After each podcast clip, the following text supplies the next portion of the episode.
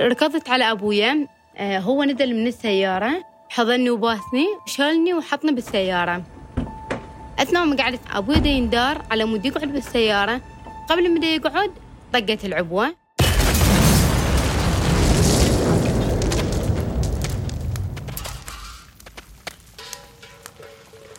في لحظة غفلة في سيارة الأب تنفجر عبوة ناسفة وتتحول أطراف الطفلة نجلاء إلى أشلاء. طلعنا بنتي عبارة عن كوم لحم لا إيدين لا رجلين بس راسه عبارة عن مشعوط الشعوط والدم ما أعرف منين يجي. نجت نجلاء من الموت بأعجوبة لكنها عاشت بيد واحدة يد يسارية حققت بها إنجازات وألقاب. بطلة التنس العراقية نجلاء عماد ورحلتها من مشارف الموت إلى منصات التتويج في حلقة جديدة من بودكاست فصول. مروى وشير أعدت الحلقة وأنا أحمد خير الدين. معا نروي فصول الحكاية.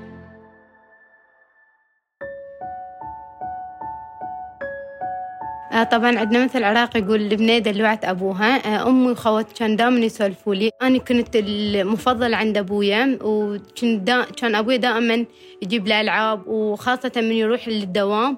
آه، أنا كنت أقعد من الصباحيات أظل قاعدة ويا أبويا لحد ما يروح ومن يروح أنا أرجع أنام. فكان حد كل ما أرجع من من الدوام مالته بس أسمع صوت هورن السيارة أركض على أبويا. فكنت كلش متعلقة بأبويا لحد الآن. نجلاء عماد شابة عراقية تبلغ من العمر اليوم 17 عاما.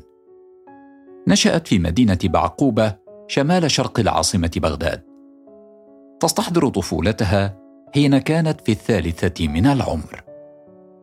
أبويا كان كل ما يجي من الدوام يجيب لي آه، لعابات إكسسوارات مال أطفال يعني كل جيت من الدوام يجيب لي شيء فرحنا بيه. والد نجلاء كان جنديا في قاعدة عراقية أمريكية. كان متكفلا بعائلة من سبعة أبناء يعيشون ظروفا صعبة بسبب الحرب. لكن أبسط الأشياء كانت تسعد نجلاء. إلى أن جاء التاسع عشر من إبريل 2008 يوم سيقلب حياتها للأبد. كالمعتاد آه، أختي تقعدنا الصبح على الريوق. قعدت الصبح غسلت وجهي. أمي كانت كالمعتاد تسوي لنا بيض. قعدت تريقت سمعت الهورن ما سيارة أبويا. فأم قالت لي كملي أكل وبعدين روح على أبوك. ركضت على أبويا آه، هو نزل من السيارة. جاء علي حضني وباسني. ووراها أبوي شالني وحطني بالسيارة. بضع ثوان فقط استدار فيها والد نجلاء لركوب السيارة. ومع أول خطوة انفجرت السيارة.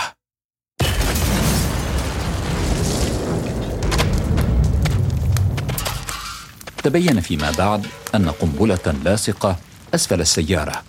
كانت سبب الانفجار وأنها كانت تستهدف والد نجلاء عماد لفته. أثناء ما قعدت أبوي دا يندار على مود يقعد بالسيارة. مدر قبل ما يقعد طقت العبوة. آه، ما حسيت نفسي إلا بالمستشفى فقد إيدي اليمنى وأطراف سفلى اثنيناتن هذا آخر ما تتذكره نجلاء. أما والدتها آمال صالح فلا تزال تستحضر بحرقة مشهد الانفجار. وكيف تم انتشال ابنتها من السيارة بلا أطراف؟ يعني الصينية قدامنا مال ريوق سمعنا الانفجار. قلبي وجعني. قمت أدور على أطفالي لأن أنا عندي كانوا سبع أطفال. أدور على بناتي كليتهم شفتهم بس نجلة ماكو. نزلنا قمنا أصيح نجلة نجلة نجلة. أبوها قال نجلة صعدت بالسيارة. أنا وأبوها انطفينا بالسيارة والجوارين والعالم بالمنطقة. طلعنا بنتي عبارة عن كوم لحم. لا إيدين لا رجلين. بس راسه عبارة عن مشعوط الشعوط. والدم ما أعرف منين يجي. منين ما مش دم وهيك بس لحمة حسبالك لحماية شايلة بداية. نقلت نجلاء على وجه السرعة إلى المستشفى. كانت قد فقدت الكثير من الدم وأدخلت فورا إلى غرفة العمليات.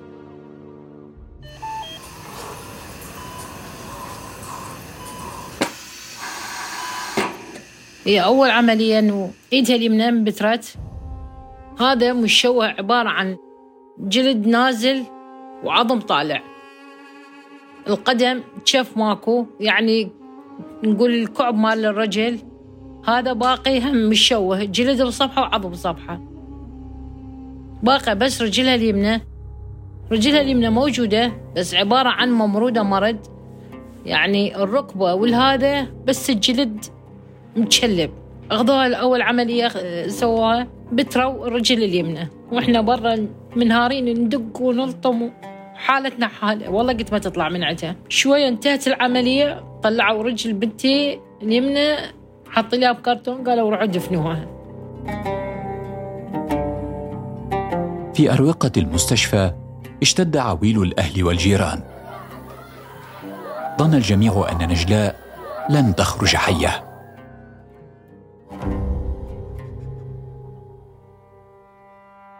لكن رمقا من حياة يسكن جسد الطفلة.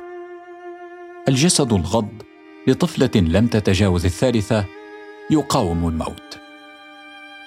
جاء الصيف وولى ونجلاء في المستشفى يقاتل الأطباء لإبقائها على قيد الحياة. باعجوبه نجت نجلاء لكن الطفلة الجميلة خرجت من المستشفى بلا قدمين. وبيد واحدة. دخلنا مستشفى وظلنا ست أشهر. فترة ما إحنا بالمستشفى وشي يومين يجيني يقول لي جابوا لي جزء من جزء من جسم نجدة الجوارين طاير على السطوح مال الجوارين لحمها أقول له وين وديته؟ يقول وديته المقبرة. تعبنا تأدينا وقلنا ما تطلع من عندها بيتنا. الحمد لله والشكر على كل شيء. بعد ستة أشهر خرجت نجلاء من المستشفى. لكن العائلة حملها سيزداد ثقلا على ثقل. كان على الأب أن يضاعف العمل لدفع مصاريف العلاج. وكان على الأم العناية بنجلاء وحملها للمستشفى كلما تدهورت حالتها. النوب قامت النوب تطلع؟ كودا هي انفجار وهذا. تطلع على شكل حب حبايه بجسمها الحباية تحمل. اركض أنا لازم أوديها. أخاف أقول أخاف صار تلوث بدمها. أركض للعيادة للأخصائيين. تطلع إنه عبارة إنه حديد. قام يطلع حديد من جسمها. حديد. أشكال يعني والله مرة طلع برغي. حديد يطلع هذا الحديد جسمه عبارة عن يعني ولحد هاللحظة. والله العظيم لحد لحظة وتطلع شظى بجسمه. ظلينا نودي ونجيب ونعالج وهذا إلا ما تعبنا تعبنا. وهاي الأب يركض من الصفحة وأنا أركض من الصفحة. تعقدنا من الدنيا. نفسيتنا تعبت. ما, ما نعرف الفرح شنو. مرت عائلة نجلاء بفترة صعبة ماديا ونفسيا. كان صعبا على والدي نجلاء. رؤية ابنتهم تكبر وهي رهينة كرسي متحرك. تشاهد إخوتها يركضون ويلعبون من حولها وهي عاجزة عن الحركة. كان الأب يرفض شراء أحذية لأطفاله مراعاة لمشاعر ابنته. وكانت الأم تراقبها بحرقة وهي تجمع أحذية إخوتها لتخبئها في الخزانة. يعني من ينامون أطفال سبع أطفال. يعني هي من دونهم عبارة عن كأنه طفل بلقماط ملموم أشوفهم نايمين كليتهم وهي هيك شيء حجم صغير بيناتهم. وصلت الحالة بيا إنه انهيار عصبي صار عندي. يعني شر باو على خوانها خواتها يعني صلوات يكبرون ويمشون. هي قاعدة بمكانها أباو عليهم والله ما أقدر أشتري الحذاء لو تكرمون شحاطة لأن ظلت باوع. أخذت فترة إنه حالة عندها إن تبوق الشحاطة مال خوانها أو الحذاء. وتشيله وتضمه بالكنتور وأنا أباوع عليها. وتخلي خوانها يبكون ويدورون على أحذيتهم وشحاطاتهم وأنا أدري بيد أسوي هيجي وأسكت أقول لهم هاي ماكو ضاعت هاي برا بالشارع عفتوها. عودنا نفسنا وتعودنا على هذا القهر. نذوقه ونشوفه كل نحسه بكل دقيقة. ومرت السنوات بلغت نجلاء السادسة من عمرها واضطرت العائلة لتسجيلها في مدرسة خاصة بعد أن رفضت في المدرسة العادية لأربع سنوات. ظلت والدتها تحملها يوميا على يديها لإيصالها وإرجاعها من المدرسة. وخوفا من التنمر حرمت نجلاء من اللعب في الشارع. كانت الكرة صديقتها الوحيدة. تلقيها على جدار البيت وتسترجعها لتلقيها مجددا. أربع سنوات ونجلاء على ذات الحال إلى أن دق الفرج الباب على يدي مدرب رياضي في 2015 دق الباب. قال اريد أشوفها. أنا مدرب مال منضده وهذا وأريد أطلعها من هذا الشيء اللي هي بيه. أنا يعني صراحة من قال لي هذا الكلام قلت له أستاذ ما تقدر؟ قال لا خليها هي هسه جالسه تسوي ما تسوي. قلت له والله مجرد إنه قاعدة قال شلون تلعب؟ شلون تصرف بالبيت؟ قلت له والله عندها طوبه تضرب الحائط بس مجرد إنه هي بس هاي اللعبة. لأن تطلع برا الجهال يظلون يتنمرون عليها ويعيبون عليها. ها انت ما عندك ايد وانت ما عندك رجل. هاي تظل تبكي. أقول هي الله كريم باكر إحنا كلنا نروح يم رب العالمين وذني رجع عندني أمانات يم رب العالمين. هذا كله يرجع لك. فد الصبري هو مو هالسنة سنة الأخرى. أظل واعته بالسنين. بعد أخذ ورد قبلت عائلة نجلاء عرض المدرب ودخلت ابنتهم مجال تنس الطاولة. كان عمرها عشر سنوات عندما بدأت تتدرب. بعد ستة أشهر شاركت في أول بطولة لها وكانت المفاجأة. فازت نجلاء بالمركز الأول. صارت بطولة مال بالعراق مال محافظات. قال اختاروا نجلة إنه تروح تمثل ديالة. فما شاء الله. أول لعبة هي لعبتها الحمد لله فازت جابت مركز أول على المحافظات كلها. يعني هذا الشيء خلاني هذا تعبي كله نسيته.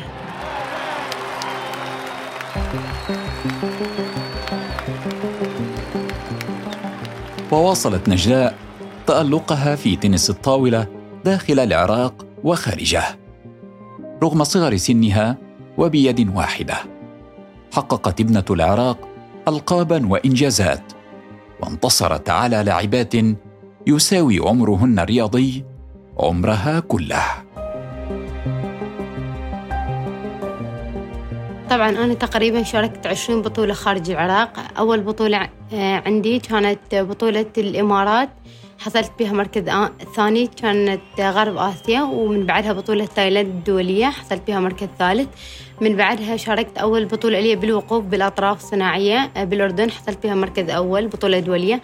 ومن بعدها بطولة بطولة مصر الدولية حصلت بها مركز أول.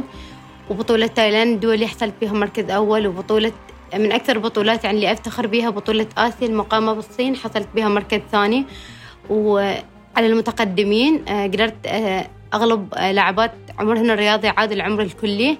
كان عمر وقتها 14 سنة. حصلت بها مركز ثاني وكنت أصغر لاعبة تنافس بهاي البطولة.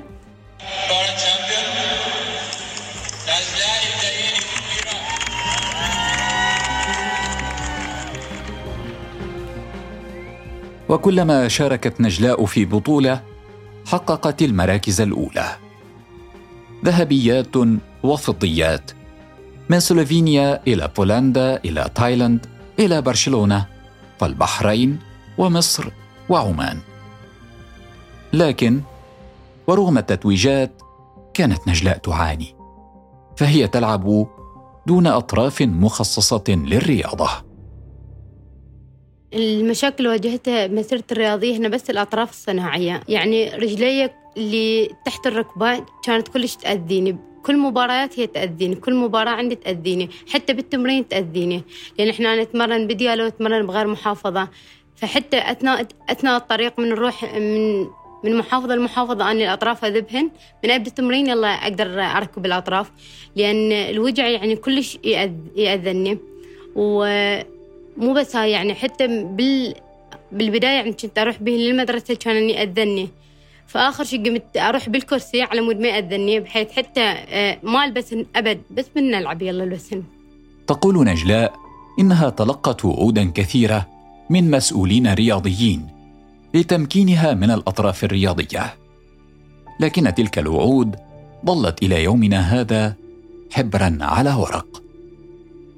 طبعا لحد الآن ما عندي أطراف رياضية ولحد الآن بهذين الأطراف الصناعية اللي عندي. وهو أشخاص كفلوا لي موضوع الأطراف لكن ما وفوا بهذا الشيء. وفي انتظار الحصول على الأطراف الرياضية تواصل ابنة العراق التألق في كل بطولة تشارك فيها متسلحة بالطموح والإرادة.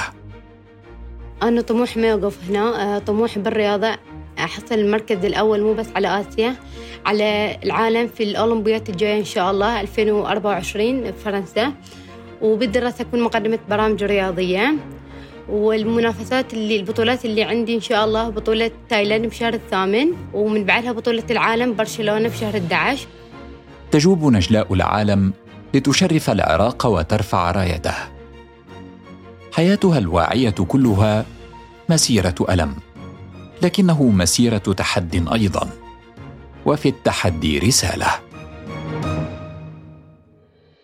الله سبحانه وتعالى أخذ من عندي شيء لكن عوضنا بهواي أشياء عوضنا بإرادة عوضنا بقوة عوضنا بهيج عائلة دعمتني وساندتني.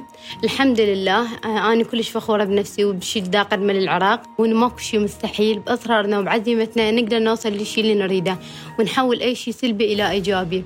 ونآمن برب العالمين وأهم شيء إنه آه تكون عندنا آه ثقة بنفسنا ونستكشف مواهبنا ونطورهن أكثر وأكثر على مود نحقق أحلامنا. أما والدة نجلاء فبعد أن حدثتنا بحرقة عن الانفجار وسيرة الألم عادت لتحدثنا بنبرة فرح وفخر بما حققته ابنتها. تقول إنجازات نجلاء أنستنا التعب وبثت فينا الفرح والأمل. رغم الصعوبات اللي مرينا بها و... وال... والظروف الصعبة اللي مرت على بنتي وعلينا وعلى عائلتنا كليتها. الحمد لله بوصل نجد للرياضة وإنجازات اللي تجيبها هسه. الحمد لله يعني نفرح. والألم كله قمنا يعني بالتدريج شوية شوية ننساه. يعني نتذكره بس من نباوع على نجلة لا يصير عندنا أمل بالحياة. يعني نفرح قدام أقربائنا قدام الجوارين قدام يعني من تجي قنوات وتجي تصورها. فد يعني فشي فخر قمنا نتفخر بتنا والحمد لله إحنا مرتاحين وسعيدين بها وفرحانين بها ونتباهى بها أصلا.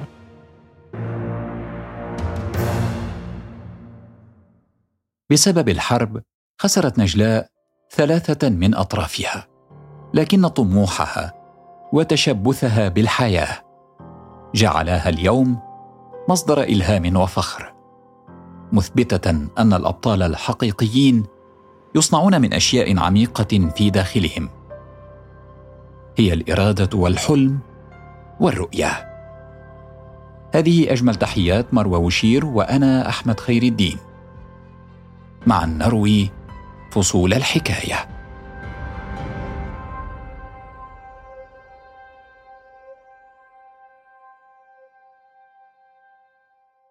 بودكاست فصول مع نروي فصول الحكاية.